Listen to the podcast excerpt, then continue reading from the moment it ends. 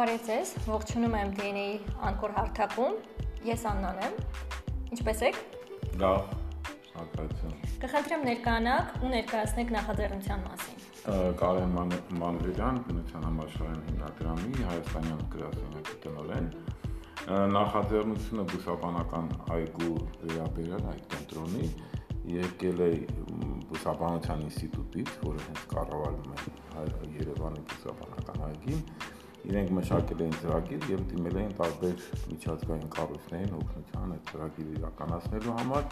Ինձ համար դա շատ հոգեարազատ էր, քանի որ 90-ական թվականներից սկզբից մենք ենք աշխատել, ես անձամբ եմ այնտեղ աշխատել եւ հենց այդ կենտրոնում ստեղծել էին տարբեր դիատոպեր, մարդիկ գալիս էին նամանավանդ երեխաները, դպրոցները, ու այն ժամանակ Հայաստանի տարբեր զոնաները փոքր կենսավայրերով ներկայացված էր բուսական եւ կենթանական աշխարհում իսկ մարդիկ շատ գոհ են ուղղակի երբ որ ես եկա արդեն միացա WWF-ին դեռ արդեն աշխատողներն էլ կրճատվեցին եւ այն այդ կենտրոնը շատ վատ վիճակի մեջ էր եւ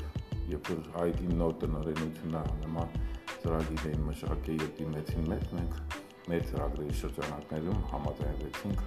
ֆինանսավորել այն հատվածը, որ որի մասին մենք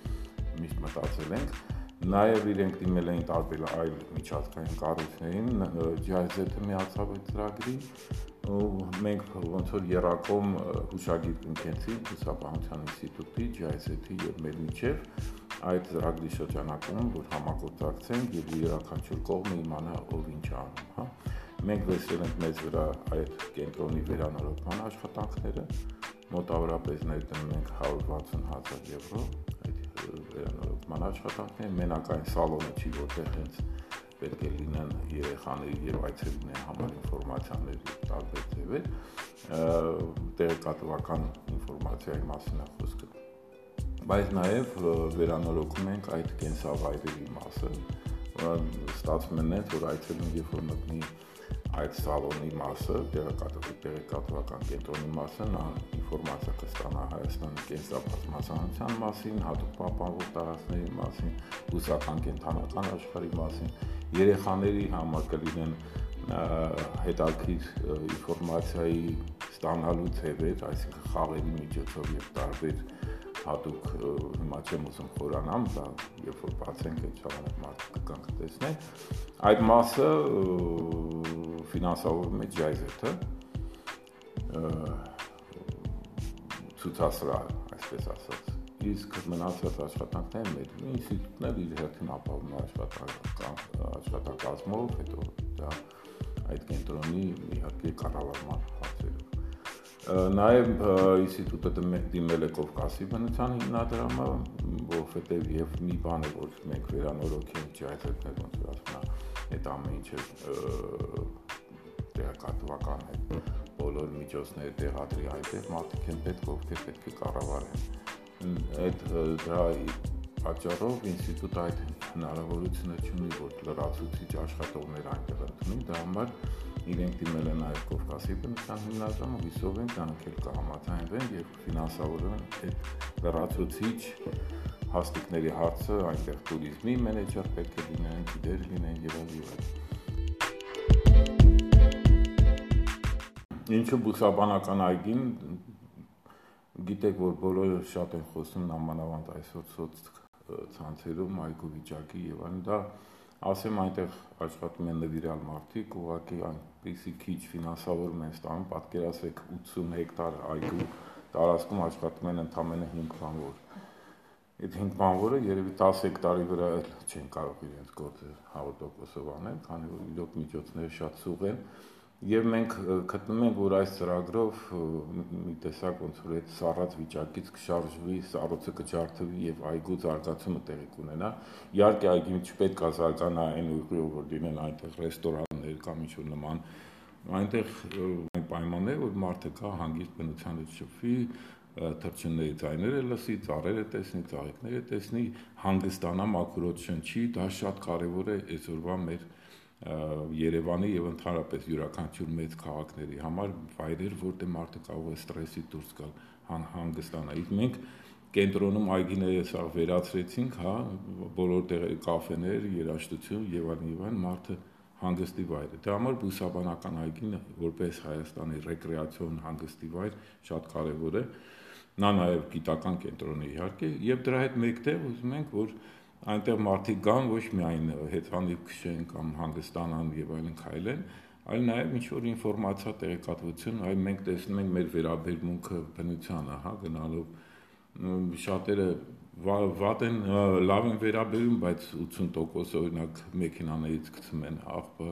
գնում են պիկնիկի, թողում են աղբը, մի տեսակ ոնց որ իրանց տանը չեն անի, չէ՞, տենց բան։ Դա է եւ այս տեղեկատվական եւ կրթական կենտրոնն է կոչվում կենսաբազմազանության եւ ընդհանրապես բնության պահպանության տեղեկատվական եւ կրթական կենտրոն, որտեղ երեխաներն էլ հենց փոքր ժամանակից կան հասկանան սովորեն։ Մենակ կենսաբազմազանության մասին չէ, նաեւ բնության եւ ոնց իրենք պետք է ներդաշնակ լինեն բնության հետ։ Դա է հիմնական գաղափարախոսությունը։ Իսկ քանի տարեկանից արդեն կկարողանան այցելել, այսինքն այդ ուսուցողական մասը որ տարիքի երեխաների համար է նախատեսած հատկապես։ Ինձ թվում առաջինը հենց երբ որ կանայք հղի են լինում այդ ժամանակից երեխաները ընդունում են այդ ինֆորմացիան դեռ լինելով էմբրիոնալ վիճակում, հա, գիտեք որ երեխայի ձևավորումը շատ երկար process է եւ շատ բաներ հենց ձևավորվում են այդ ժամանակ յուրաքանչյուր տարիքից յուրաքանչյուր 1 տարեկան, 2, 3, 4, նու եւ, եւ իհարկե դպրոցականների այնտեղ կլինեն հա, հատուկ գրաֆիկ, որ այսօրվա COVID-ի պայմաններում վիրուսի չլինեն որ մեծ կուտակումներ, այլ օրինակի համար ժամը 1-ին գա մի դասան, դա ժամը 2-ին մյուս դասան որ մեկը մյուսին չխանգարի առաջինը եւ վարակի առումով Նաև նախատեսել ենք, որ այդ ամեն ինչը պետքա միշտ ախտահանվի, այնպեսի մատերիալներից սարքվի այդ տեղեկատվական բաները ցուցասրահի համար, հա, որ հեշտ լինի ախտահանել, մաքրել եւ չկեղտոտվի։ Դա է։ Շատ լավ, իսկ երբ է նախատեսվում արդեն բացումը, ինչ ժամանակահատվածների մասին է խոսքը։ Հիմա օրինակ մենք շինարարների հետ ունենք պայմանագիր, որ սեպտեմբերի մինչև 20-ը պետք է ավարտեին, ցավոք էլի վիրուսի եւ այլ չնախատեսված աշխատանքներ եղան, երբ որ իրանք ցեցին քանդել արդեն որը նախատեսված չէր, մի 20 օր կերկարացկվի շինարարությունը, այսինքն կավարտենք շինարարությունը մոտավորապես հոկտեմբերի 10-ի 15-ի կողմերը, բայց գործը զուգընթաց գնում է, GIZ-ը արդեն տենդեր է հայտարարել այդ ներսի կահավորման եւ այդ ցուցասրահի այդ բոլոր նմուշները պատրաստելու համար, դիզայնը եւ պատրաստելու համար դա էլ ես կարծում եմ միջև հոկտեմբերի վերջ իմ, կարծիքով պատրաստ կլինի նոյեմբերի սկիզբ եւ ուզում ենք նոյեմբերի սկզբին բացումը օֆիցիալ այդ կենտրոնի լինի եթե որևէ բան չխանգարի, թե վիրուսի առումով, թե չնախատեսված ինչ որ բաների։ Դա է հիմնականը, եթե չհասրենք նոյեմբերին բացենք, ապա ուրեմն բացում կանենք ապրիլ, մայիսին։ Նախատեսվում է արդյոք որ կենտրոնը կլինի սեզոնային, թե ամբողջ կլոր տարին ինքը պետք է աշխատի։ Կլոր տարի մենք այնտեղ նույնիսկ այդ ջերուցման համակարգն ենք եւ հովացման եւ ջերուցման համակարգն ենք տեղադրում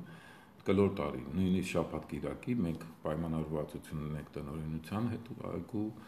որ իրենք աշխատողները պետք է ոնց որ ասում են սմենով աշխատեն եւ շաբաթ կիրակի միանշանակ այնտեղ մարդիկ պետքա լինեն 1-2 հոգի պետքա լինեն որ մարդիկ կան հիմնականում մարդիկ են շաբաթ կիրակի են գնում հա նա իսկ հետագա պլաններ որպես նմանատիպ կենտրոններ նախատեսվում են նաև շրջաններում բացել։ Նայեք, շրջաններում մենք շատ ունենք արած հենց շրջաններում քաղաքում մենք չենք աշխատի երբեք։ Իմ Խոսրովի արկելոցում օրինակ տեղեկատվական կենտրոններ ենք երկու հատ կազմակերպել, ուրիշ Ալփիլիչում եւ այլ։ Նման կենտրոններ կան հատուկ պահպանող տարածքներում, հա, Դիլիջանում, Սևանում, չգիտեմ, Խոսրովում, Ալփիլիչում, Զանգեզուրում էլ կլինի, ես գիտեմ, այնտեղ մեծ ծրագիր է իրականացվում։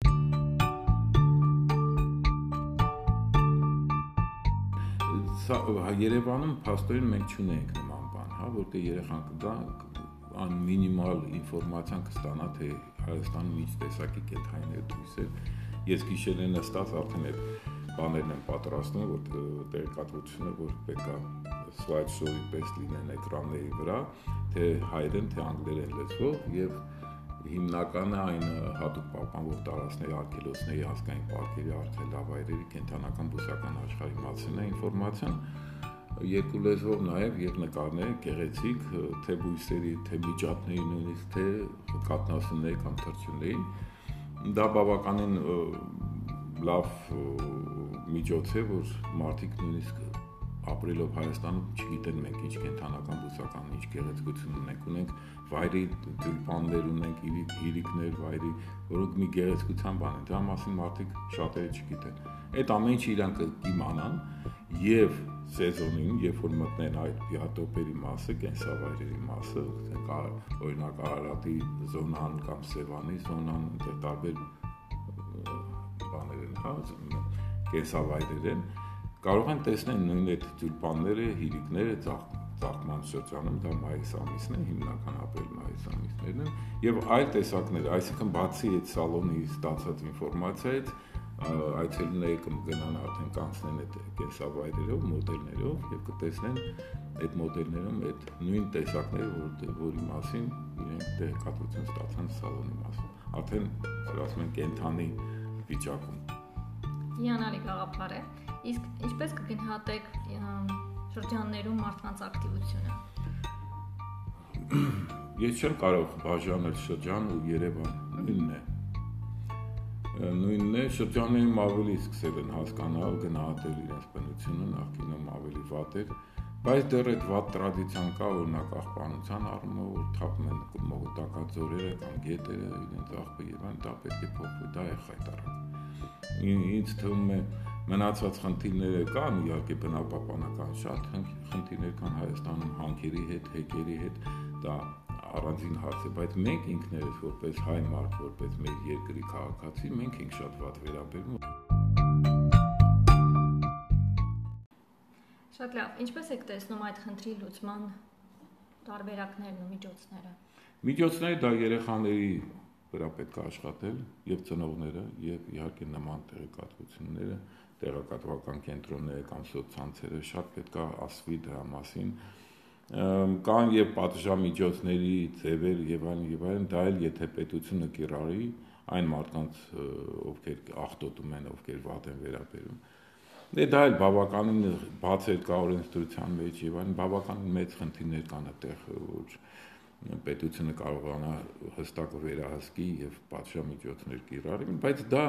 նայեք, նույն եվրոպական երկրները որ գնում են, ոչ մեկ նման բան չի կիրառում, քանի որ ինքնագիտակցությունը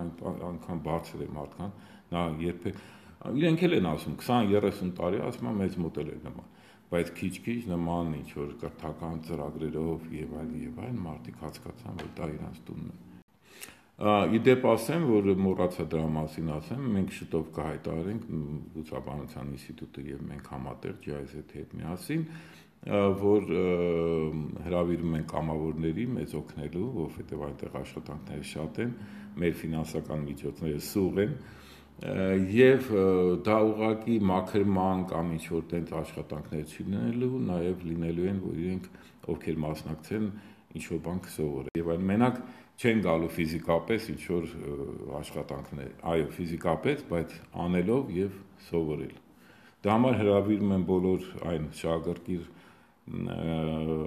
երիտասարդներին նամանավանդ, որ միանան այդ ակցիային եւ մեզ օգնեն ուսապանական այգին բերենք կարգի։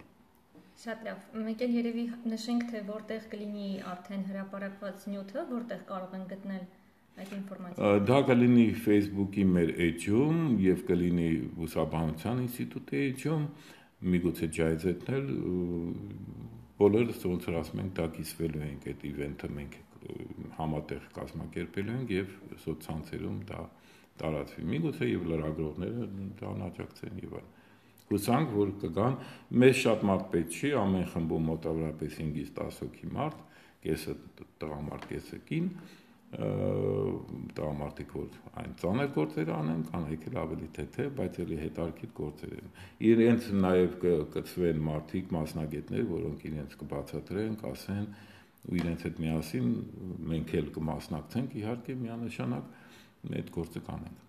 Երբ եք պլանավորում արդեն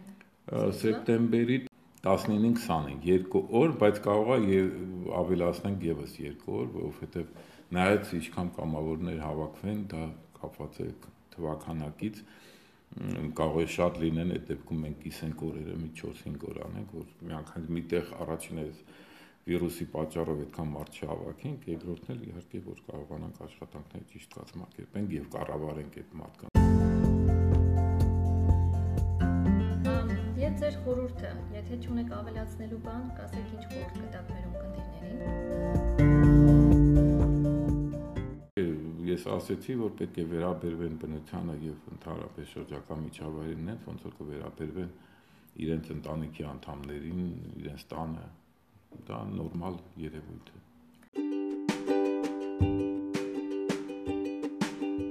Շատ լավ, շնորհակալ ենք շատ։ Հուսով ենք կամավորները կհավաքվեն, գործը առաջ կգնա ու ամեն ժամանակին կլինի։ Ձեր օգնությամբ նաև։ Շնորհակալություն։ Շնորհակալություն։